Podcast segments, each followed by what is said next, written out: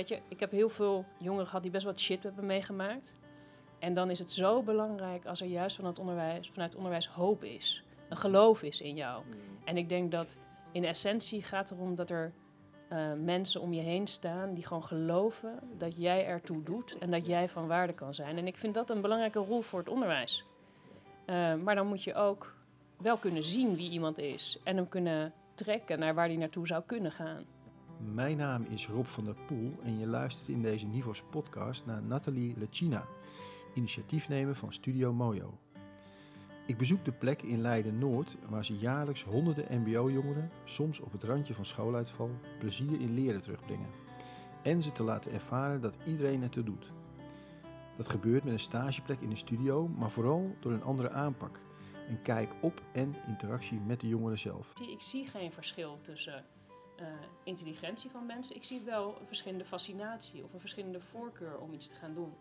En net zoals we ook heel erg lekker labelen, um, zie ik jongeren die dan gelabeld zijn met ADHD, maar die best wel drie uur lang kunnen gamen zonder een aandachtspannenstoornis. Dus wat is de situatie en de context waarin we mensen bepaalde framingen geven? Ik denk dat de context zo bepalend is. Als, als je mensen vertrouwen kan geven in wat ze kunnen, kunnen ze gewoon heel veel meer.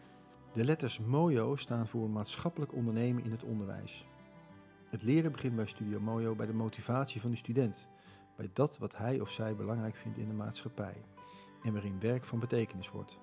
Hoewel van vaste tijden of de plicht aanwezig te zijn geen sprake is, komen de jongeren trouw om aan hun projecten te werken. Welke dat zijn, laat China en haar team vrij.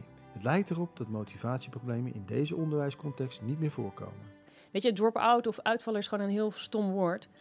Want alle jongeren willen leren. Iedereen wordt geboren met een, uh, met een leerbehoefte. Er is nooit uitval van leren. Er is alleen een systeem waar, wat, waarin jongeren zich niet gezien of gehoord kunnen worden. Dus wij hebben een plicht om al die krankzinnige ideeën van die jonge mensen te laten zien dat het kan. Dus of het nou een sollicitatietraining is van Fanta, of het nou een expositie is van Soef, of het nou zonnepanelen op een dak is, we doen alles. Omdat het belangrijkste denk ik is, en dat is wat onderwijs te bieden heeft, dat je leert dat door te leren alles kan.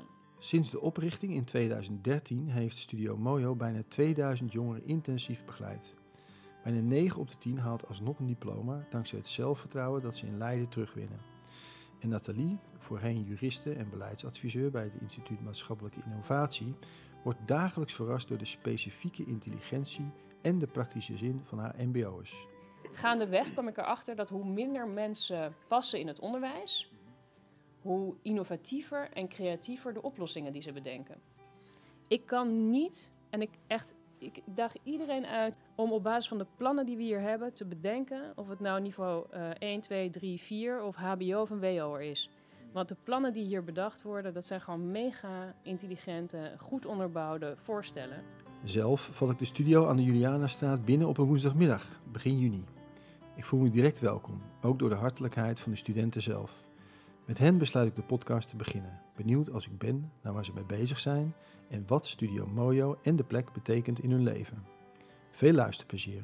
We zijn begonnen hier bij Studio Mojo en ik zit hier aan een tafel met, nou, ik heb nog niet geteld, maar wel met zes, zeg je het goed? Zes uh, studenten. Want zo mag ik jullie toch wel noemen, uh, Rashad? Ja. En uh, jullie zitten hier allemaal om verschillende redenen. Kun je daar iets over, kun daar iets over vertellen, Sofian? Uh, ja, ik had uh, op school uh, had ik, het erover met mijn docent Nederlands. Want ik had met haar erover dat ik ja, de opleiding eigenlijk niks vind. En ja, op de stagemarkt eigenlijk alles wat met de opleiding te maken heeft, ook niks vindt. Eigenlijk op dat moment. En toen had ze mij als advies gegeven van als jij het niet, als jij niet houdt van marketing, kan je beter iets doen waar je, wat je wel leuk vindt. En had ze mij Studio Mojo aangeraden. En dat leek me op het begin gewoon uh, meteen uh, een goede kans om uh, door te zetten. Dus dat heb ik gedaan. En wat maakte nou dat jij direct voelde of dacht, hier zit ik goed? Dat ik meteen bij het begingesprek ja, wat ik heel mooi vond is dat ik ja, meteen eigenlijk erbij hoorde. Dus meteen erbij mocht zitten, meteen erbij mocht zijn. En uh, gewoon dat, dat ze ook echt, dat ik zag dat ze ook echt om mij gaven. En niet dat ik hier gewoon voor stage zit, maar echt, ik ben hier om iets te doen voor de wereld terug. Dus dat heeft mij wel geraakt. Lisa, hoe lang zit jij hier? Ehm, vanaf begin februari. En waarom ben jij hier eh, gekomen? Het was meer van, we, hadden stage, sollicitaties, gesprektrainingen. Toen was ik hier achter gekomen. En omdat ik heel graag eh, mensen wil helpen, dacht ik van, nou, dan ga ik hem maar een kans geven en kijken of die hier kan. En wat betekent dat? Dat je hier nu twee dagen per week zit of nog veel langer? Eh, twee dagen per week. Wat doe je daarin, in die twee dagen nu, op dit moment? Ehm, we zijn een rechtswinkel aan het opzetten van mbo-studenten voor mbo-studenten. Dus we proberen nu vorm te geven en zo. En je zit hier ook, omdat je, dat vind ik wel leuk, jullie zitten hier allemaal omdat jullie hier willen zijn, hè? Toch? Ja. Want je mag hier ook gewoon naar huis gaan, toch? Ja, mag. Gebeurt dat wel eens? Soms denk ik van, nou, ik ben er nou ook klaar mee. Maar ik ben nog nooit echt eerder naar huis gegaan of zo. Om dat soort reden dat ik er niet wou zijn. Oké, Daniel, Ja. sinds wanneer ben jij hier eh, Ja. In, in Leiden in, bij Studio Mojo binnengelopen? Weet je dat nog, die eerste keer? Eh, ja, dat was. eh, even kijken. Ik denk toen ik voor mijn intake kwam, en dat was wel lang geleden al. In ok- oktober volgens mij zelfs of zo. En, eh, ja, het viel me op dat het anders was dan de meeste plekken waar je komt. Als je hier de kamer eh, inloopt. Met eh, alle creatieve kunsten en zo die je ziet. En iedereen zat aan tafel toen. En ze waren allemaal bezig met hun projecten ook. En eh, toen kwam ik aan tafel zitten om eh, ook mijn intakegesprek te houden met iedereen eh, aan tafel. en toen heb ik daar 2,5 uur uiteindelijk ook gezeten. En ik, ik had het niet eens door. Het was niet eens dat ik dacht van zo, het duurt lang. Maar we hadden gewoon een heel gesprek. En aan het einde van het gesprek keek ik naar de tijd. En dacht ik van zo, ik heb er wel lang gezeten. Dus het was niet een standaard intake gesprek? nee, zeker niet. Je werd niet gekeurd? Nee, ook niet nee. Nee, dat was wel eigenlijk gewoon een gesprek aangaan. En aan het einde, toen eh, kreeg ik een eh, 24 hours challenge die eh, iedereen krijgt hier.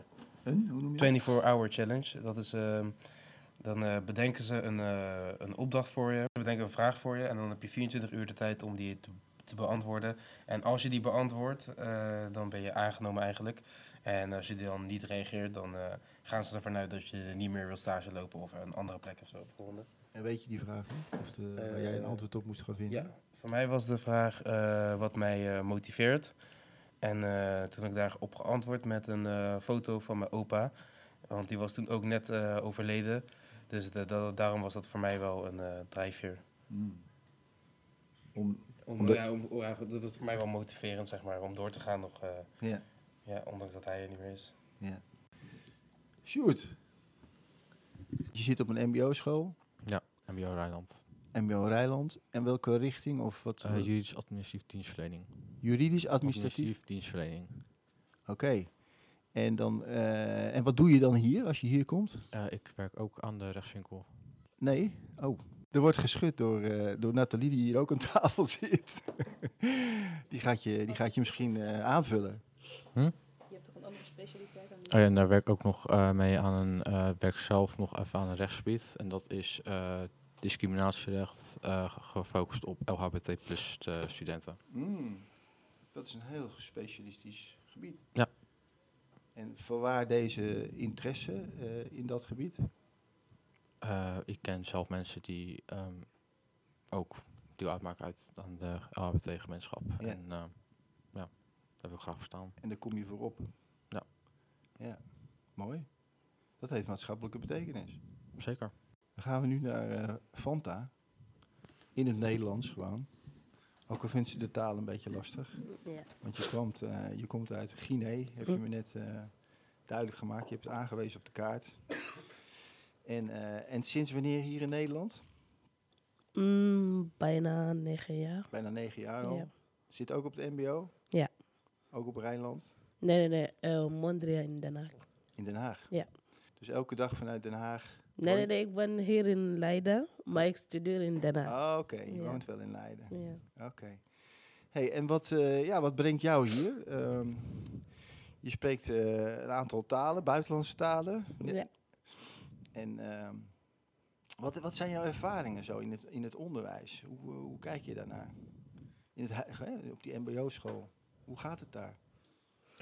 Mm, bij mij gaat het goed, alleen die taal is een beetje lastig, maar Ja. voor de rest gaat het wel goed. Ja. Ja. Je zegt gaat, het gaat goed. Of vind je er ook wat van? In de zin van hoe het geregeld is, de scholen. Hoe dit systeem werkt. Ja. Dus eh, dat snap ik niet eh, helemaal.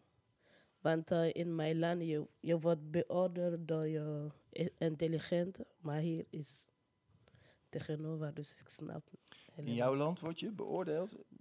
Hoe je intelligent bent. Ja. En hier in Nederland is het anders, dus ik snap die systeem niet. Want hoe gaat het in, in Nederland dan? Ja, is, eh, ze kijken naar hoeveel procent moet eh, geslaagd zijn of gezag zijn. Ja. Mag niet dat hoe je je best doet, maar je gaat de best selecteren en die gaat Ja. naar andere klas. Volgens mij zeg je iets dat eh, door de toetsen, dat, eh, dat de bovenste 20% die het best scoort eigenlijk, die mogen zeg maar naar het, nou ja, naar het andere- VWO of naar het Atheneum. En dan heb je nog 30% die daaronder zit, die gaan allemaal naar het HAVO. En dan heb je de onderste 50%, want zo denken we dan, hè, Mhm. in die lagen. En die stromen automatisch allemaal naar het VMBO. En, en, en, en worden eigenlijk nou ja, een beetje klaargestoomd voor de arbeidsmarkt. Ja. En dat, en dat is een beetje een gek ja. verhaal. En ik mag mij eh, zorgen over mijn kinderen. Ja? Want je hebt al kinderen. Ja, ik heb twee kinderen. Je hebt twee kinderen. Ja. Hoe oud zijn ze nu? De oudste die is drie jaar en de jongste is twintig maanden. Wauw. Mooi. Dank u wel. En, de, en, omdat je, en daar maak je je zorgen over als ze hier zijn. Eh, dat ze misschien ook wel de, nou ja, een afslag moeten pakken waar ze eigenlijk helemaal geen Nee. nou ja, zin, is dat het goede woord? Waar ze, waar ze helemaal niet passen. Ja, denk ik wel.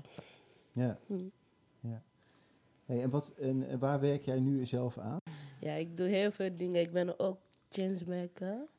Ik ga sollicitatietraining geven aan de nieuwkomers. Sollicitatietrainingen. Ja. Ja. Dat ga je doen of ben je al begonnen? Eh, ik ben begonnen met dit plan van aanpak, maar ik heb nog niet eh, de training gegeven. Dus, Nee. nee. Oké. En dan eh Rashad. Als laatste ben ik, volgens mij. Nou, we hebben Jan ook nog aan tafel zitten. Even kijken of dat eh, goed gaat met de microfoons. Eh Rashad, ja, als, als ik jou, naar jou kijk, dan zie ik je glunderen. Heb je het hier goed naar je zin? Eh, ja, zeker. Ik heb Ja? altijd hier goed naar mensen. Ja? Ja. En wat maakt het nou dat je goed naar je zin hebt? Wat maakt het hier nou dat ik eh, goede mensen heb? Ja, eh, het is sinds toen mevrouw Natalie kwam naar ons op school om in presentatie aan ons te presenteren over motivatiebrief en cv. En, ehm, en toen ik mevrouw Natalie heb gezien hoe zij, hoe zij alles, al- alles heel makkelijk en eenvoudig uitlegt aan iedereen, heb ik daarna heel goed nagedacht. Dan kan ik eh, hier bij Studio Mooi solliciteren als, stage, als business support stagiaire. En misschien eh, word ik daar aangenomen. En toen ik, eh, hier heb, toen ik hier heb gesolliciteerd, hebben zij mij benaderd om een sollicitatiegesprek met mij in te plannen. En daarna was ik hier aangenomen. En ik heb ook gezien dat Studio Mooi is een van de beste en mooiste bedrijven waar ik ooit echt stage heb gelopen. Ja, Want je oprecht. bent nu business support? Business supporters, ja, stagiaire. Oké. En eh, wanneer eh, ben jij hier binnengekomen? Ehm, ik had mijn sollicitatiegesprek hier, eh, nee, 11, afgelopen 11 maart, ja. Oh, afgelopen 11 geleden. maart, ja. Afgelopen 11 maart had ik hier mijn sollicitatiegesprek en mijn eerste stagedag hier was op 14 maart, nee, op eh, 17 maart. Je weet de data nog precies uit jou. Ik, eh ja, zeker. Hoe Ik heb, ik heb goed geheugen. ja, echt. Nee, echt oprecht. En in 2018 had ik, heb ik meegedaan. Kunt u Max Geheugentrainer programma? Max programma Oh, ja, op televisie. Ja. Eh, had ik voor aangemeld en had ik eh, op deze dag tablet gewonnen. En heb ik uh, boodschappenlijst zelf gespeeld. Ja, en, ehm, en, ehm, en eh, ja, ik heb echt, eh, ja, ik kan heel veel eh, dingen herinneren sinds lang geleden. ja, Ja, dat is een, kwali- dat is een gave. ja.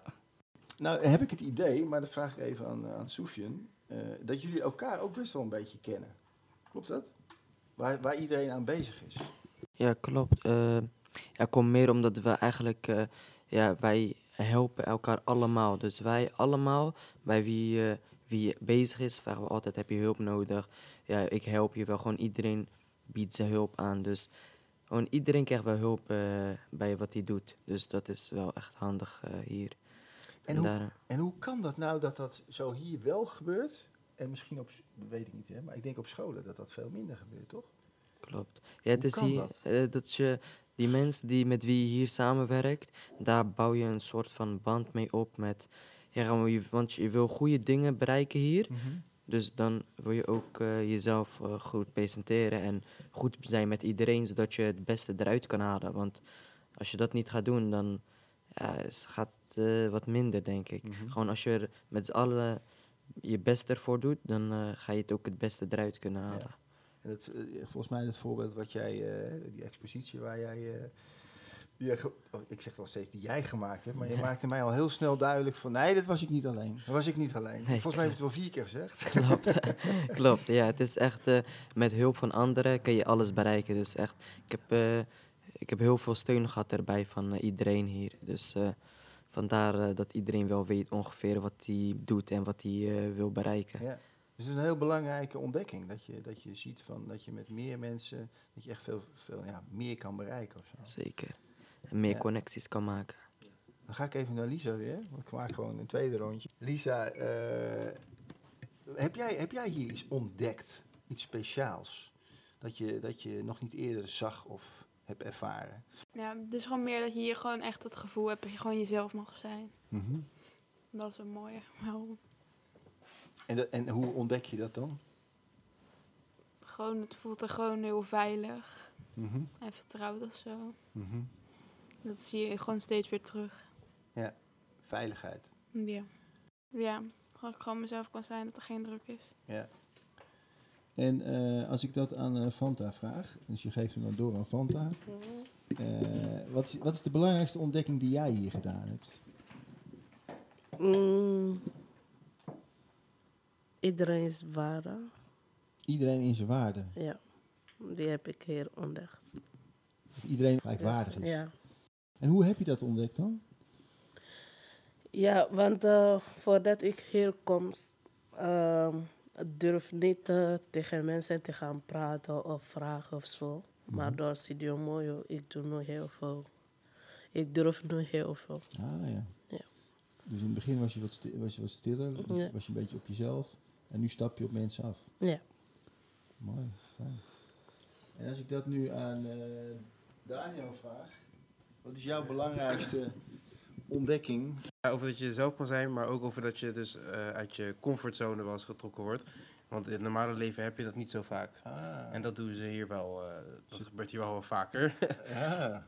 maar dat is wel iets goeds. Eh, van tevoren denk je misschien van, oh, wat gaat er nou weer gebeuren? Ja. maar achteraf denk je wel weer van, ja, dat is wel een eh, leerzame ervaring. Ja. En eh, nou ja, dan heb je weer iets nieuws gedaan wat je nog niet ooit eerder gedaan hebt of wat nog niet kende. ja. Dus eh, dat vind ik wel mooi. Dus ze trekken je uit je comfortzone. Ja. En nou heb ik het idee dat, dat je de- op scholen vragen ze dat ook wel eens, op reguliere scholen. Mm, Maar dan laat je je niet zo makkelijk uit je comfortzone. nee, precies. Wat doen ze nou hier waardoor je, dat hier, waardoor je wel hier gaat springen, zeg maar? Eh, Wat is dat? Ja, dat, eh, ja, dat is wel lastig eigenlijk. Maar op school heb ik niet het gevoel dat je heel vaak uit de comfortzone trekt Nee? eigenlijk. Nee. Je doet eigenlijk altijd hetze- juist hetzelfde op een school, vind ik. Ja? Ja, bijna bij elke opleiding die ik gedaan heb, moet je dezelfde dingen doen. Dus het is eigenlijk allemaal hetzelfde liedje met een ander eh, omhulsel. Ja, ja.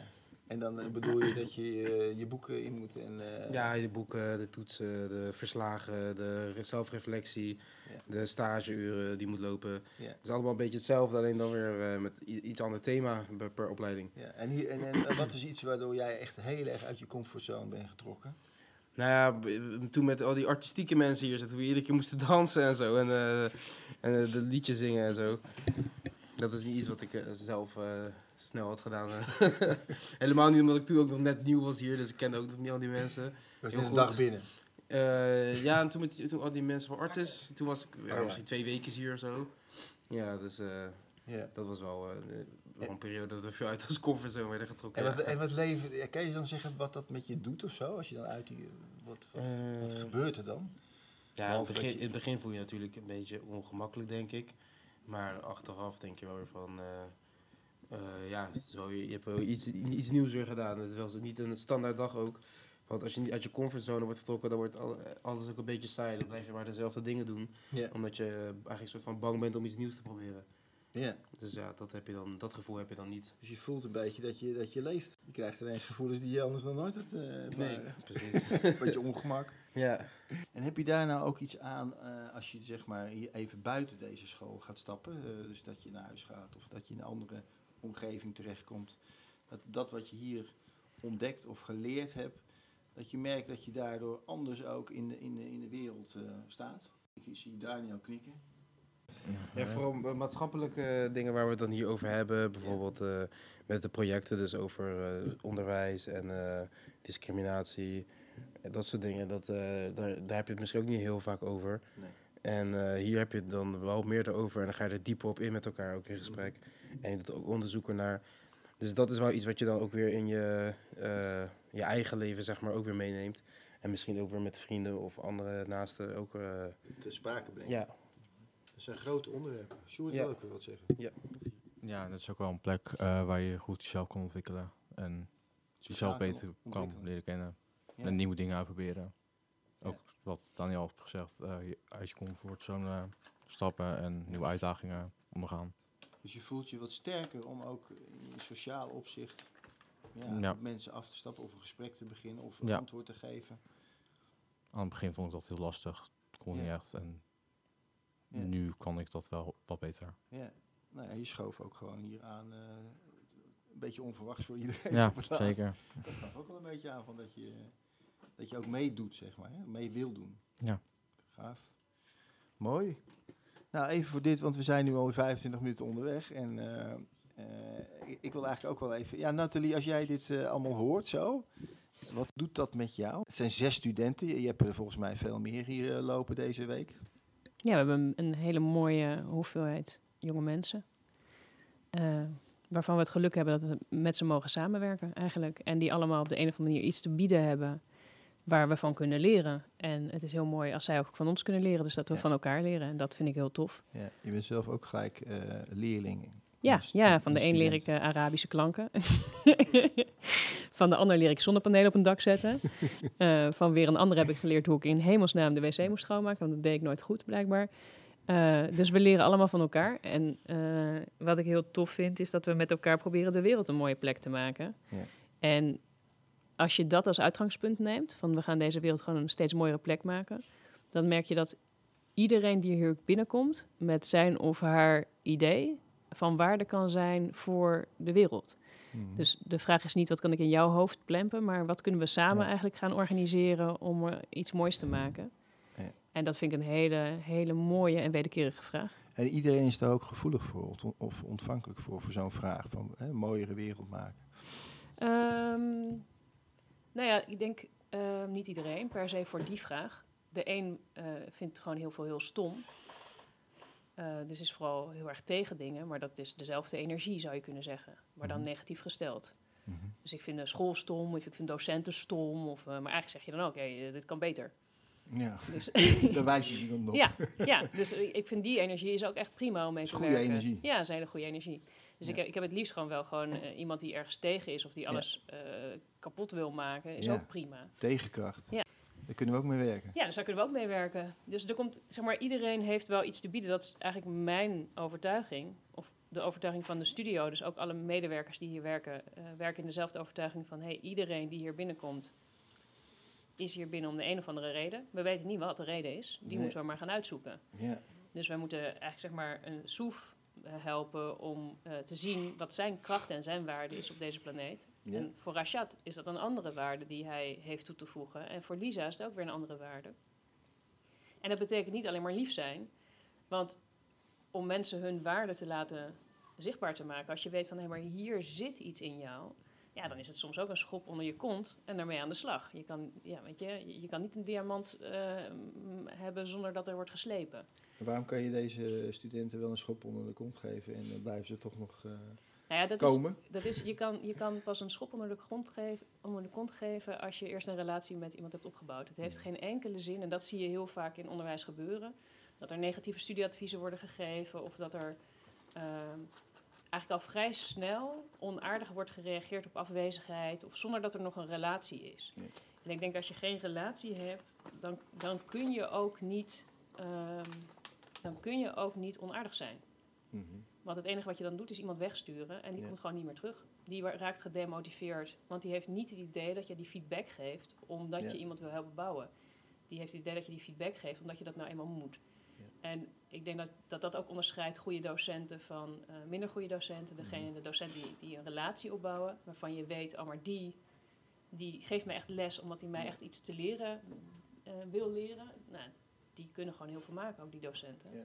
En terecht, want daar heb je een band mee. Jullie trekken echt naar elkaar op. Ja, wij bouwen samen. Het is ook, ja, wij zijn samen eh, projecten aan het opzetten. Ik sta samen ook soms met de zonnepanelen op het dak. En eh Daniel heeft ook gisteren ook de zonnepanelen op het dak gezet. En hij is eigenlijk, zijn studie is eigenlijk sociaal werker. En eigenlijk vind ik het dus heel tof dat hij als sociaal werker leert zien. Je kunt doen wat je leert, maar je kunt ook voor iemand die geen geld heeft en te maken heeft met eh, hoge energierekeningen, zonnepanelen op het dak zetten. Je hoeft als social werker niet alleen maar te praten of te begeleiden. Je kan ook gewoon wat doen. Dus ik vind het ook heel waardevol dat iedereen kan zien dat je ook gewoon wat kan doen. Ja. En dat je je niet laat tegenhouden door zo is het nou eenmaal en dat kan niet. Dat Mhm. is echt, joh, iemand die daarmee binnenkomt, nou die weet zeker dat hij daarmee ook uit zijn comfortzone wordt gehaald. Ja. Dus iedereen hier weet ook, als ik ga zeggen nee, maar dat kan toch niet, hm, Mhm. dat wordt je opdracht. Ja. Want dat gaan we in ieder geval niet toelaten, dat je denkt dat Kijk. kan niet. Want daar ligt de uitdaging gelijk. Nou ja, daar ligt het. En Ja. dat snap je, en dat, dat snap je al snel ook. Ja, kijk nu even naar Rashad. Maar als hij zoiets zegt, snap je dat dan inderdaad gelijk van als je zegt nee of dat kan niet, dat je dan eh, denkt, oh ja, dan moet ik, heb ik daar iets te doen, zeg maar. En voor die vraag moet het best best soef zijn. Oh. Dat kan toch niet, denk ik. Ja? Ja, ik was meer eh, op het begin van ja, ik eh, kan toch niet eh, met mensen in contact komen. En eh, ja, ik eh, word toch altijd gezien als eh, minder dan de rest. Dus eh, ik was nooit ergens dat ik dacht van oh, het gaat iets worden. Ik was altijd eh van ja, gaat toch niet lukken en gaat niet werken. Ja. Zo, want ik ben zo opgegroeid in mijn buurt van met iedereen. Ik heb dat meegekregen van Ja. ja. hier in Nederland ga je als buitenlander of als allochtoon zijnde, ga je niet ver kunnen komen. Dan ga jij tot een punt komen en dan ga je niet meer hoger kunnen Nee. komen. Dus zo is mij, ben ik ook inge- ingesteld totdat ik ook ja, meer gesprekken ging voeren en meer in contact ben gekomen met eh, bepaalde mensen, waardoor ik een soort van anders ging denken. Dus- en toch wel dacht van, oh, misschien gaat het wel. Dus je bent je bent uit die stand gekomen omdat je ook andere mensen bent die liet je iets horen of die zagen je wel misschien wel? Juist, die zagen me wel staan, die, die gaven ook gehoor en die, ja, die gingen meedenken met projecten en ja, gewoon meedenken. En Ja. daardoor eh, is toch wel, eh, heb ik toch wel een ander beeld gekregen. Ja. En een beetje positieve kant op gegaan. Ja. En niets is meer onmogelijk. Zeker, iets is meer dan niet, niet mogelijk, ja. Ja. Gaaf. Ja, ik ga toch weer even naar Nathalie. Ja, duurt altijd eventjes hier aan zo'n tafel. We werken met twee microfoons. Want jij bent hier eh, acht jaar geleden, nee, negen jaar inmiddels. Hè? Ik, zag, ik had er namelijk Al ruim gelezen. tien inmiddels. Ruim tien Ik ben al inmiddels. twaalf jaar bezig met jongeren van het MBO. Ja. En eigenlijk begonnen toen ik werkte bij het Instituut Maatschappelijke Innovatie. Ja. En toen waren we vooral allerlei maatschappelijke vraagstukken aan het oplossen met wetenschappers en allerlei eh, hele slimme, hoger opgeleide mensen, dacht ik. En ik dacht dus ook dat eh, dat, dat gewoon echt de hogere denkers waren. En eh, op enig moment dacht ik, nou, maar ik ben eigenlijk ook benieuwd hoe MBO-studenten dit zouden oplossen. En ik ging eigenlijk mijn eigen pakketje vooroordelen ging ik naar eh, ROC Leiden toen. Want ik dacht, ik ga, ik kreeg een opdracht van TNO, aanpak obesitas. En ik dacht, nou ja, weet je, we, we maken met al die leuke wetenschappers heel veel papier, maar eigenlijk niks werd echt uitgevoerd. En daar baalde ik van na een aantal jaar. En toen dacht ik, nou, kijken wat de jongeren van het MBO bedenken. Toen ging ik naar het ROC. Ehm, met dus, ik merkte dat toen ik daar naartoe ging, ik ook een pakket vooroordelen meenam. Dat ik dacht, nou, ze zullen het me niet willen. Ze zullen me een heel suffe troela vinden. Ze zullen wel liever lui zijn. Ze zullen wel hartstikke liever drank en drugs. Eh, dus ik had blijkbaar allemaal beeldvorming, kwam ik achter, met me mee. Eh, en toen ging ik ehm, eh, aan tafel bij een stel jongens. Ik zei, jongens, ik heb een probleem. Ik heb een opdracht van TNO om een antwoord te geven over de aanpak obesitas. Ik heb een rapport. Wie wil mij helpen? En toen dacht ik, eh, nou, nu zal het wel stil blijven. Nee. Ja, mevrouw, ik wil wel helpen. Ja, ik eigenlijk ook. Ja, ik ook. Toen zei ik, oké, maar dan moet je wel dit rapport gaan lezen. Ja, is goed. Zeiden ze. En toen hebben ze dat rapport gelezen. En TNO schrijft echt ellendig lang en oleesbaar. Maar ze hebben er gewoon, zijn helemaal doorheen gegaan en hebben een samenvatting gegeven. En eh, de samenvatting was één zin. Dus dan heb je 170 pagina's ellendige TNO-rapport in één zin. Dat was wij, MBO-studenten, hebben de slechtste eten- en leefgewoonten van alle Nederlanders. Nou, dat was ook ongeveer wel de strekking. Toen zei ik, oké, en wat moeten we daaraan doen dan? En toen dacht ik, nou, kom maar op met je idee. Ik dacht dat ik het beter wist. Eerlijk, ik was echt wel toen ehm, dat ik dacht, nou, ik ben benieuwd wat ze bedenken, maar het zal wel, ik zal het wel zelf moeten bedenken uiteindelijk. Maar toen kwam er een, eh, een jongen die zei, we moeten gaan rolstoel basketballen. Ja, die bracht echt al mijn hersencellen in de war. Bij een aanpak obesitas heb ik nog nooit nagedacht over rolstoel basketballen. Dus ik, ik was helemaal in de war. Ik zeg tegen die jongen, hoezo? Hij zegt, omdat het maakt niet uit welke sporten we bedenken of wat we ook doen. Ehm, bijna alles wat we doen is gericht om de fitste het gevoel te geven dat ze gaan winnen. Ehm, en dat is nooit leuk voor degene die dus minder goed in hun lijf zitten. Dus ook alle sporten op school of alle sporten zijn gericht op de fitste en niet op de, mens, de mensen die eigenlijk eh, minst makkelijk in beweging komen. En als we gaan rolstoel basketballen, mevrouw, dan kan niemand het. Ja, En-. Ja, echt geniaal. En toen zijn we gaan rolstoel basketballen. eh, met de hele klas hier in Leiden. Ja. En nou ja, precies wat die jongens hadden voorspeld was ook waar. Het was voor iedereen superleuk. En niemand kon het. En niemand was een winnaar. Want we waren allemaal gewoon gelijk, zeg maar. En dat competitie-element eruit halen en gewoon lol hebben... Dat, Ja. dat maakt sporten veel leuker voor iedereen. Eh, en toen ben ik nog meer zeg maar, van die ingewikkelde vragen... vanuit het Instituut Maatschappelijke Innovatie gaan stellen aan jongeren. En toen dacht ik, wow, dit is zo'n hoge mate van intelligentie... Ja. Dit is zoveel interessanter dan wat ik eigenlijk daarvoor allemaal hoorde. Het is geen repetitie of herhaling van wat je al ergens hebt gehoord. Dat ik dacht, nou, ik ga ontslag nemen. En ik ga een bedrijf opzetten. Waarmee ik de intelligentie en potentie van MBO-studenten zichtbaar wil maken. Eh, dus toen ben ik Studio Mojo gaan opzetten. Toen had ik geen enkele cent en geen enkel niemand die er daar vertrouwen in had. Want iedereen dacht, dit is echt een heel idioot plan om MBO-studenten te gaan inzetten om te gaan ondernemen. Daar had ook niemand geld in gestopt of zo, maar ik had toch ontslag genomen. Eh, en toen zijn we evenementen gaan organiseren, eerst met jongeren. En gaandeweg kwam ik erachter dat hoe minder mensen passen in het onderwijs, hoe innovatiever en creatiever de oplossingen die ze bedenken. Dus toen ben ik me ook steeds meer gaan richten op jongeren die van school zijn uitgevallen. En we hebben nu een, een hele mooie mengeling van jongeren die op school zitten en jongeren die van school zijn uitgevallen. Eh, en die elkaar eigenlijk allemaal uitdagen in eh, nou ja, het maatschappelijk vraagstuk oplossen, de wereld verbeteren. Ja, want je, want je hebt dus inderdaad die verbinding met het ROC, die is ook heel nadrukkelijk, hè? in ieder geval met een aantal ROC's. Ja, van heel Nederland. Ook, ook, eh, ook van MBO Utrecht overigens. Ja. Dus eh, van, van overal en nergens. Ja. Maar met name zijn we gericht op, ehm, op Leiden en de Leidse regio. Om hier maatschappelijk verschil te maken. Dus we hebben het liefst ook jongeren die hier Ja. vandaan komen. Maar tegelijk zeg je, richt je ook op echte uitvallers die, die er al... Ja, maar er is geen uitval of... Weet je, drop-out of uitvaller is gewoon een heel stom woord. Zeker. Want het is, het is niet... jo- alle jongeren willen leren. Iedereen wordt geboren met een, eh, met een leerbehoefte. Eh, of je nou leert lopen, of je nou leert gamen, of je nou leert voetballen. Iedereen is continu bezig met leren. Er is nooit uitval van leren. Er is alleen een systeem waar, wat, waarin jongeren zich niet gezien of gehoord kunnen worden. En dat is ook een systeem wat denkt in, in niveaus. Ik kan niet, en ik echt, ik daag iedereen uit die zegt dat niveaus ontzettend waardevol zijn, om op basis van de plannen die we hier hebben te bedenken of het nou niveau eh 1, 2, 3, 4 of HBO of een WO'er is. Want de plannen die hier bedacht worden, dat zijn gewoon mega intelligente, goed onderbouwde voorstellen. En een rechtswinkel opzetten of eh, discriminatie tegengaan of aan de slag gaan met de zonnepanelen op dak zetten tegen energiearmoede. Ik zie geen niveau. Eh, en dat vind ik echt heel stom. Dat sommige mensen in deze samenleving het idee hebben dat ze slim zijn, net zoals wat ik vroeger dacht. Eh, en anderen denken dat ze dom zijn, wat echt gewoon een heel abject manier van, van leren is. Ja, en dat, dat soort overtuigingen dan eh, geboren worden eigenlijk. Hè? Nou ja, die zitten heel diep in onze samenleving, denk ik. Want het is een hiërarchie die je aanleert. Eigenlijk in groep 7, groep 8 leer je discrimineren. Ja. Want dan krijg je een CITO-toets met de, de betere en de mindere mens. En vervolgens is dat systeem zo doordrongen dat we nu reclames hebben met deze verzekering is alleen maar voor hoger opgeleiden. Ja. Kan niet waar zijn.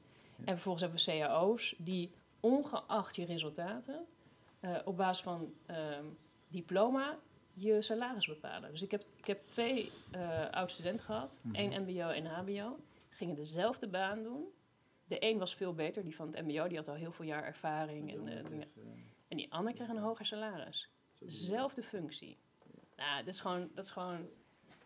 Nee, daar ageer ik tegen. Nou, je voorbeeld wat je net eh, aangaf over die, eh, toen je voor het eerst eh, dat, dat eh, ja, vanuit TNO die, eh, die MBO of die ROC inging en de jongeren betrok bij jouw vraagstuk, hoorde ik ook de- inderdaad dat je ontdekte dat die wil, hè, dat er eigenlijk een hele grote bereidheid is om mee te doen. Er is een onwijze grote bereidheid om te leren, om ertoe te doen. Iedereen wil van waarde zijn. Iedereen heeft een Ja. basisbehoefte. Ik wil dat een ander mij ziet en mij waardeert voor Ja. wat ik kan. En ik denk dat we die basisbehoeften heel- veel te weinig ehm, triggeren. Ja, Ehm, in het reguliere onderwijs of in het reguliere werk ook, denk ik. Eh, en mensen hebben een enorme behoefte om te laten zien wat ze kunnen. maar dat doe je door die maatschappij er echt bij te halen. En de vraagstukken of, of dat wat er in, in kinderen, eh, leerlingen leeft, eh, om in die maatschappij verschil te maken. Dus Ja. om die wereld, om zo als het ware in die wereld te, Ja, in die wereld te ja. verbinden. Ja, verbinden aan de wereld en tegelijkertijd wel de leerruimte geven. Dus het is niet, je moet meteen zeg maar een klus klaren. Ja. eh, en dat is dan in de wereld staan. Want dat, nee, ik vind je hebt het recht om te leren. Het is een universeel Ja. recht van de mens, het recht om te leren. Ja. Eh, en ik denk dat dat recht betekent dat je mag kloten, dat je mag experimenteren, dat je mag falen, dat je dingen mag uitproberen. Ja. Eh, en dat je ook successen mag hebben. Maar een succes is eigenlijk veel minder interessant dan een mooie, mooie leerles. En hoe heeft, hoe heeft Studio Mojo zich de afgelopen, nou ja, je zegt tien jaar ontwikkeld? Eh, Kan je daar iets over zeggen? Want tien jaar, daar kan heel veel in gebeuren. Ja. En, en hoe heb jij je daarin ontwikkeld? Ik denk dat ik tien jaar geleden niet doorhad eh in hoeverre we bezig waren met onderwijs. Dus ik was vooral bezig met Mm. ehm, eh, dat ik het belangrijk vond dat jongeren gemotiveerd waren en zin hebben om te leven eigenlijk. Eh, en dat ik het belangrijk vind dat ze opdrachten kunnen doen, waardoor ze ook een gevoel hebben van ik doe ertoe en het is belangrijk dat ik leef. Ja. En gaandeweg ben ik steeds meer gaan inzien hoe eigenlijk ons onderwijssysteem, zoals die nu is, in de weg staat Ja. aan motivatie en zin om te leren. Ja. En ben ik me steeds meer eigenlijk gaan verbazen over ehm, hoe in die verschillende niveaus op een andere manier ook wordt gereageerd Mhm. op mensen en op jongeren. Dus zeg maar, ik heb ooit op een gymnasium gezeten en dan krijg je ongeveer elke dag te horen dat je de toekomst bent en dat jij degene bent die later gaat beslissen en gaat bepalen. En toen ik met jongeren op het MBO ging werken, kreeg ik heel vaak van docenten ook de feedback van joh, ik weet niet of ze het kunnen. En toen dacht ik, "Huh, dat, gaan, dat zien we dan wel weer. Mhm. En als ze niet kunnen, kunnen ze vast iets anders. Uh, dus de feedback die je dan hoort is, is gewoon totaal anders. En ik dacht, weet je, ik heb heel veel ehm, jongeren gehad die best wat shit hebben meegemaakt. En dan is het zo belangrijk als er juist van het onderwijs, vanuit het onderwijs hoop is. Een Mhm. geloof is in jou. En ik denk dat in essentie gaat erom dat er uh, mensen om je heen staan die gewoon geloven dat jij ertoe doet en dat Ja. jij van waarde kan zijn. En ik vind dat een belangrijke rol voor het onderwijs. Uh, maar dan moet je ook wel kunnen zien wie iemand is en hem kunnen trekken naar waar hij naartoe zou kunnen gaan. Uh-huh. En uh, nou, die rol, die wil ik eigenlijk in het onderwijs zichtbaar maken, dat ze Ja. die kunnen hebben. Maar nou, nou zit je hier vanuit Leiden, vanuit deze plek opereer je al, al, al lang. Ik, ik, zie hier wat hier gebeurt.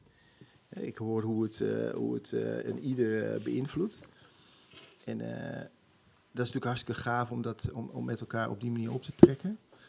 En is er ook iets waarvan jij misschien denkt van, god ja, waarom niet daar ook en waarom niet daar ook? Nee, ik denk, ik denk dat dit, hoe we werken, um, een, een, concept is wat nationaal en internationaal um, belangrijk is. Omdat er zoveel potentie zit in mensen en dat we die uh, veel meer kunnen aanspreken en kunnen uh, helpen ontwikkelen. Dus help iedereen zijn, van waarde te zijn en in die waarde te gaan staan uh, en te hebben. Dus ik denk nationaal en internationaal super belangrijk. ik ben heel blij hier in Leiden dat de gemeente Leiden nu ook heeft gezegd, ja, stip op de horizon. Wij vinden dit soort concepten zo belangrijk, wij gaan hiervoor staan. Dus dat, is, dat vind ik te gek. Want dat is je, je, je belangrijkste eh, financiële bron, toch? De gemeente? Nou, we hebben nu een groot project eh, met ZonMW opgezet. En dat is eh, MDT University voor changemakers. Dus we hebben nu een redelijk groot project waarbij we ehm, het belang van changemaken voor jongeren ehm, nou ja, eigenlijk zichtbaar maken. En de jongeren kunnen hier dus aan de ene kant hebben we plekken voor stagiairs, aan de andere kant hebben we plekken voor eigenlijk de changemakers. Ja. En dan leer je hoe je dat verschil kan maken. En dat is een, vaak een bovenop eh, opleiding Mhm. eigenlijk. Maar wat je volgens mij net ook even aanraakt, is dat je je ook eh, in, in het systeem eh, bent gaan verdiepen. En dat je ziet hoe we, hoe we structureel ook via de, nou ja, de toetsing en dat we daarin eigenlijk de boel nou ja, alleen nog maar versterken, de ongelijkheid en ja, met alle sociale eh, gevolgen die dat met zich meebrengt. Je hebt een, eh, een artikel geschreven met een aantal anderen waarin je echt de validiteit van, eh, van, het, eh, van de toets en van het systeem eh, ter discussie stelt. Klopt. Of eigenlijk net als Karin Heij. eh, eh, Het is eigenlijk een vervolg op Karen Heider, Ja, der ja, wat is, het, wat is het vervolg? Wat hebben jullie daar aan, aan, in aangevuld?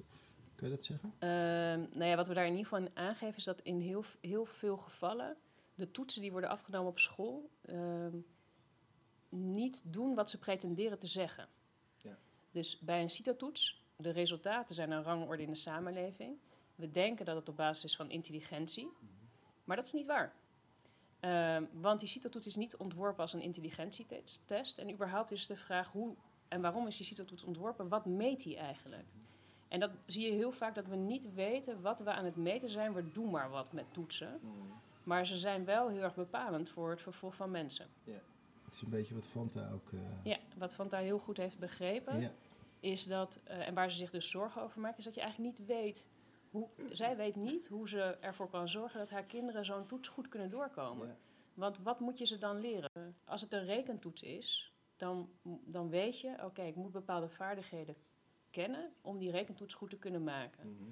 Maar als er een rekentoets is waar ook woorden in staan als eh, per kwartaal, dus er, je krijgt vier toetsen per Zeker, kwartaal, ja. hoeveel toetsen krijgt dat kind per jaar? Dan kun je en een heel slim kind zijn die zegt, nou, één kwartaal is in ieder geval geen toets, want dan is het zomervakantie, maar dat is fout. Eh, en je moet kennis hebben over het woord kwartaal. Ja. Waar heb je dat op de basisschool geleerd? Die zit niet in eh, het referentiekader voor het ontwikkelen van de toets. Dus je weet niet dat je dat woord moet kennen voordat je een CITO-toets goed moet, kun- kan maken. Ja. En dan is het vooral voor kinderen van nieuwkomers bijvoorbeeld. Eh, ja, het is maar de vraag of je je toets goed kan maken. En dan doet het alsof het een intelligentietest is. Maar dat is dus niet waar. Want het is eigenlijk ook een woordenschattest. Mm. Maar een woordenschattest moet je anders vormgeven. Ja. Dus wat toetsen we en waarom? En tegelijkertijd zijn we heel streng in de rangordes. En waar ik me aan erger, ehm, is dat het dus wel wat doet. Want als ik tegen iemand zeg, je bent de dommere, dan gaan ze zich ernaar gedragen. Ik heb een meisje gehad, die zat op niveau 2 mbo, simpelweg omdat ze in haar toetsweek uit huis werd geplaatst. Dat meisje heeft toen haar toets, haar CITO-toets niet goed kunnen maken. Nee. Die zat in de stress. Ja. Eh, Daardoor komt ze wel op VMBO-basis terecht. Eh, en vervolgens heeft ze gezegd van ja, maar als mensen denken dat ik dom ben, ga ik me ook maar zo gedragen. Want dan ga ik dan ook maar gewoon, ja, dan ga ik ook graag gebruik van maken. En dan denk ik, ja, maar wat doen we dan? Dat meisje is super slim. En dat is wat ik hier ook steeds zie. Ik zie geen verschil tussen eh, intelligentie van mensen. Ik zie wel een verschillende fascinatie of een verschillende voorkeur om iets te gaan doen. En net zoals we ook heel erg lekker labelen, ehm, zie ik jongeren die dan gelabeld zijn met ADHD. Nou, dat, dat mag. Ehm, maar die best wel drie uur lang kunnen gamen zonder een aandachtspannenstoornis. Ja. Eh, dus wat is de situatie en de context waarin we mensen bepaalde framingen geven? En nou, ik, ik denk dat de context zo bepalend is. Als, me- als je mensen vertrouwen kan geven in wat ze kunnen, kunnen ze gewoon heel veel meer. Mhm. Als, we mensen, als je tegen mij van kinds af aan had gezegd dat ik dom ben, nou, dan, dan blokkeer ik op een gegeven moment. Dan durf ik niks meer. Dus, en, en dat systeem, dat hebben we gewoon. Een, een, een systeem waarin we jonge kinderen het gevoel geven, al in groep drie, dat ze een maandje of een zonnetje zijn. Ja. Cut the crap, zeg maar echt. Help mensen zich te ontwikkelen in het maximale waar zij zeg maar, zich gefascineerd, nieuwsgierig in zijn en van waarde kunnen zijn. Ken je dat, eh, Daniel? Ken je dat? Ja. Dat er, dat er zo naar je gekeken wordt of dat je ze de indruk krijgt van... eh, Ja, maar ik moet ook wel zeggen dat ik eh, het vroeger zelf ook wel zo was hoor. Want eh, voordat ik op het eh, MBO en MAVO belandde, deed ik ook HAVO. En eh, mijn zusje deed wel altijd al MAVO. En dan vroeger als we discussies hadden, dan noemde ik haar ook wel eens eh, dommer of zo, of dom. Omdat zij dan MAVO deed en ik HAVO. En eindstand ben ik, ben ik zelf ook op MAVO beland. Maar eh, dat is ook wel wa- waardoor ik merkte dat het echt iets is wat je al meekrijgt. Omdat het, ik was toen ook denk ik eh 13, zo 14. ja. Dus ik wa- was best wel jong. En op school merkte je dat ook wel. Dat de VWO-kindjes die kijken wel een beetje neer naar de, naar de MAVO en VMBO. ja.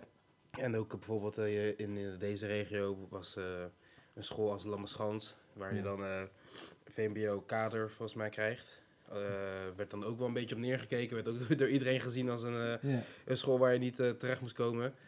En ehm, Maar ik vind het wel mooi wat je zegt. Dus dat het- je haalt het eigenlijk naar jezelf toe. Dat je gelijk zegt van ja, maar ik herken, ik ken dat zelf ook wel. ja. Dat je neerkijkt op. Wat ik dan ook wel eens had, is dat je dan op school, ehm, de, docenten dat ook wel ehm, lieten merken, zeg maar, toch? Dat bijvoorbeeld in, in een MAVO-klas, dan, werd je, dan, ze zei- dan kreeg je soms opmerkingen van, eh, ja, dat ze, dat, ze- dat ze het toch niet verwachten bij jullie of zo. Dat ze Oh, iets ja. begrijpen, of dat het Ja. drukker is omdat het toch MAVO-kinderen zijn. En of als je in de HAVO-klas had, dat ze dan eh, meer van je verwachten omdat je dan een HAVO-klas bent, in Ja. vergelijking tot de andere groepen. Ja. En ehm, Dat, er ook, dat er ook minder van je verwacht wordt, ja, eigenlijk. ja, en dat is eh, natuurlijk, dat motiveert ook niet echt, Nee. Nathalie. Ja, dat is denk ik wat we, wat we beter zouden kunnen doen. En waarbij we hier iedereen uitdagen eigenlijk om meer... Ik hou ervan om dit als een topsportorganisatie te zien. Waarbij we iedereen uitdagen om het maximale uit zichzelf te halen. Betekent ook dat de rol voor mij is, als dit allemaal topsporters zijn, ervoor te zorgen dat er een context in is waarin ze maximaal kunnen presteren. Dus we zorgen ook voor goede lunches. We zorgen ervoor dat iedereen eh, voldoende gave dingen kan doen. Dat er af en toe afwisseling is tussen eh, even lekker een beetje piano spelen of een beetje lummelen. Ja. En dan weer knetterhard aan de slag. Lummeltijd. Ja, Belangrijk. lummel- lummeltijd, super belangrijk. maar ja, soms is ook gewoon, dan, dan zie je er wordt nu wel heel veel gelummeld. Dan mag er ook wel weer een schop onder die kont komen. en soms, we doen ook met z'n allen, we hebben hier een tuin, dan wordt er gras gemaaid. Dan zijn we ook gewoon onkruid aan het wieden. Dus dan is het ook gewoon heel chill dat je lekker even buiten bent. Even op een andere manier met elkaar in gesprek bent. Ehm, en ik vind die afwisseling belangrijk. Je, we zijn meer een samenleving ehm, aan het creëren met elkaar. Waarin we ook hier dus in miniatuur aan het oefenen zijn voor samenleving. Van oké, we hebben dus allemaal, zijn we van waarde voor elkaar. Als Daniel iets nodig heeft, oké, dan nou, gaan we hem daarbij helpen. Als er weer ergens een video moet worden gemaakt, gaan we daarin bijdragen. Maar dat doen we niet per se met z'n allen. Mm. Het is geen voetbal waarbij iedereen achter die bal eh, op dat klauwtje Mm. rent. Dus hoe verdelen we dat, dat veld dan zo goed mogelijk, zodat we zoveel mogelijk van elkaars projecten van de grond trekken? En net zoals stond jij, Daniel, gisteren op het dak om mee te helpen met het project van Anan rondom de zonnepanelen. Want Anan is een jongen die op niveau 1 zit, zorg. En hij wil elektricien worden. En hij zit op niveau 1 simpelweg omdat hij uit Afghanistan komt en de taal niet spreekt. Maar dat, zijn hersens zitten echt op niveau 34. Ehm, dus hij wil zonnepanelen bouwen. Eh, en ehm, hij heeft een plan gemaakt en we hebben zonnepanelen besteld en die gaan, we- die gaan we dan erop zetten. Nou, en dan Daniel die leert opeens ook zonnepanelen plaatsen. nou, dat is alleen maar leuk, want misschien gaat hij ze straks thuis plaatsen. Dus dat heeft hij dan ook geleerd hoe dat kan. En, en dat vind ik gewoon, weet je, we zijn allemaal zoveel diverser Mm. eh, als mens eh, dan wat er vaak wordt gedacht, dat je een bepaalde rol of functie hebt. Maar je includeert ook iedereen, hè? Dus dat zijn echt die twee begrippen van hè? Nou diversiteit. ja, de, ja, nou, dat is, dat is waar. Dus het is heel inclusief. Maar we, zijn, we, hebben we hebben twee regels in de studio. En dat is geen onderdrukking.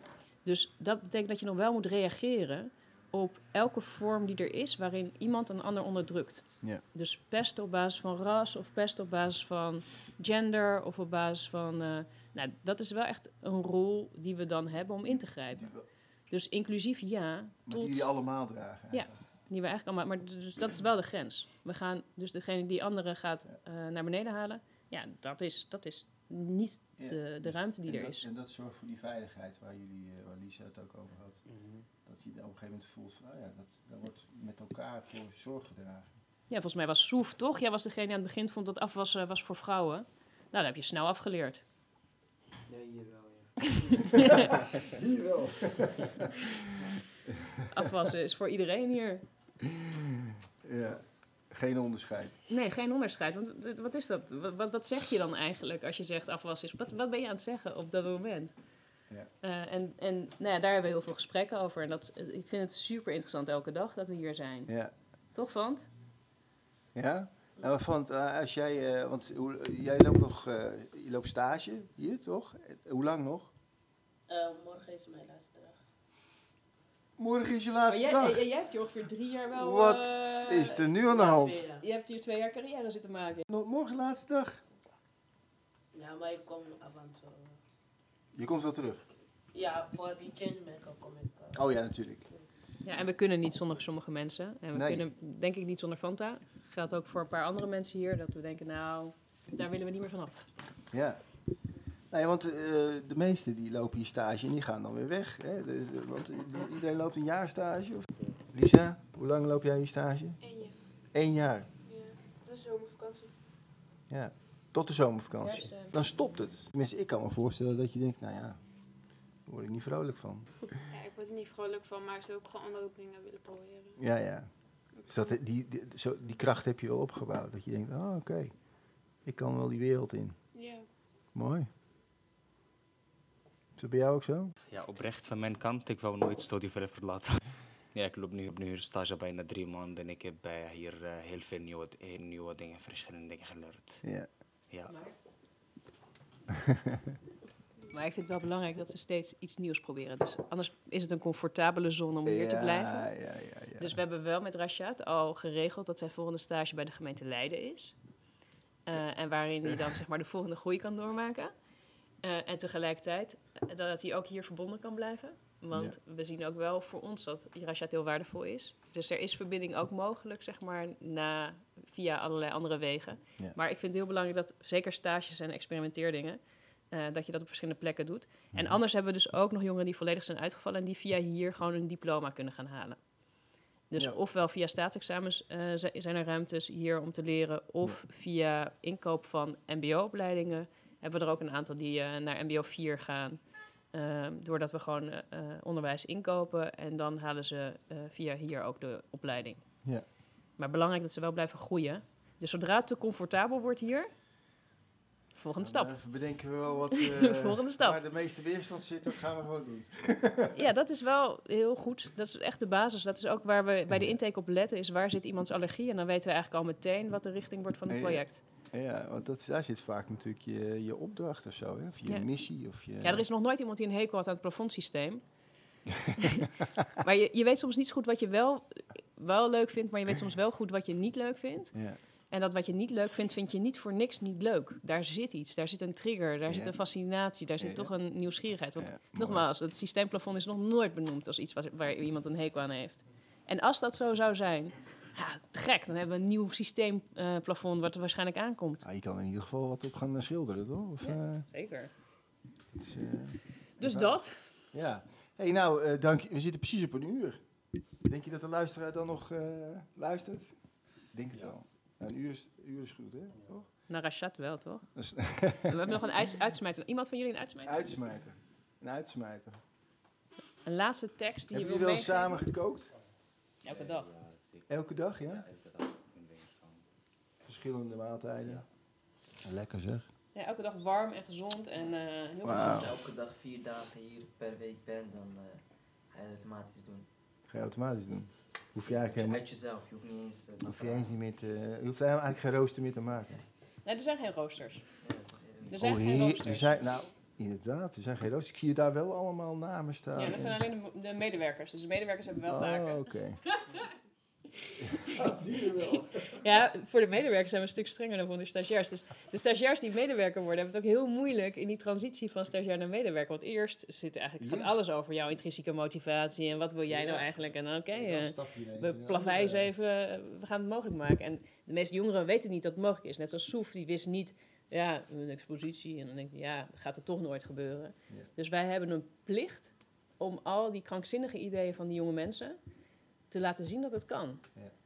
Ehm, dus of het nou een sollicitatietraining is van Fanta, of het nou een expositie is van Soef, of het nou zonnepanelen op een dak is, Eh, of het nou een zeefdruk is op een t-shirt, of het nou een uh, You're Right is, we moeten een rechtswinkel starten. Nou, d- dus we doen alles. We, we, we starten een rechtswinkel, we starten een kunst- en filosofieacademie, we starten een expositie. Omdat het belangrijkste, denk ik, is, en dat is wat onderwijs te bieden heeft, dat je leert dat door te leren alles kan. En als je dat leert, dan kan je je leven lang genieten van leren. Dan kun je jezelf leren podcast maken, dan kun je jezelf leren een video maken, want je hebt geleerd dat als je gaat leren, dat, dat, dat die wereld open kan gaan. Ja. En dat is denk ik wat eh, een mooie missie is in Ja. onderwijs. Is leren dat leren echt zo geniaal is dat je dat je hele leven wil doen. Dat is goud waard, hè? Dat is denk ik echt, ja. Dat is een goede uitsmijter, denk ik. Dat zat ik net te denken. Ja, Ja, hè? dat is een goede uitsmijter. Nou. Nou, lekker, lekker opeten dan die uitsmijter. Eh, je hebt hem Hey, de-. Ja, je hebt ze Shit, heb ik jou nou het gas weggemaaid? Hey, dank jullie wel. Dit was aflevering 56 in de Nivos podcast-reeks. Dank voor het luisteren. Op Spotify en Apple Podcast vind je meer Nivos podcasts. Ook op de website van Nivos zijn ze allemaal terug te beluisteren. Stichting Nivos sterkt leraren en schoolleiders bij de uitvoering van hun pedagogische opdracht. Meer over ons werk en activiteiten lees je terug op www.nivos.nl.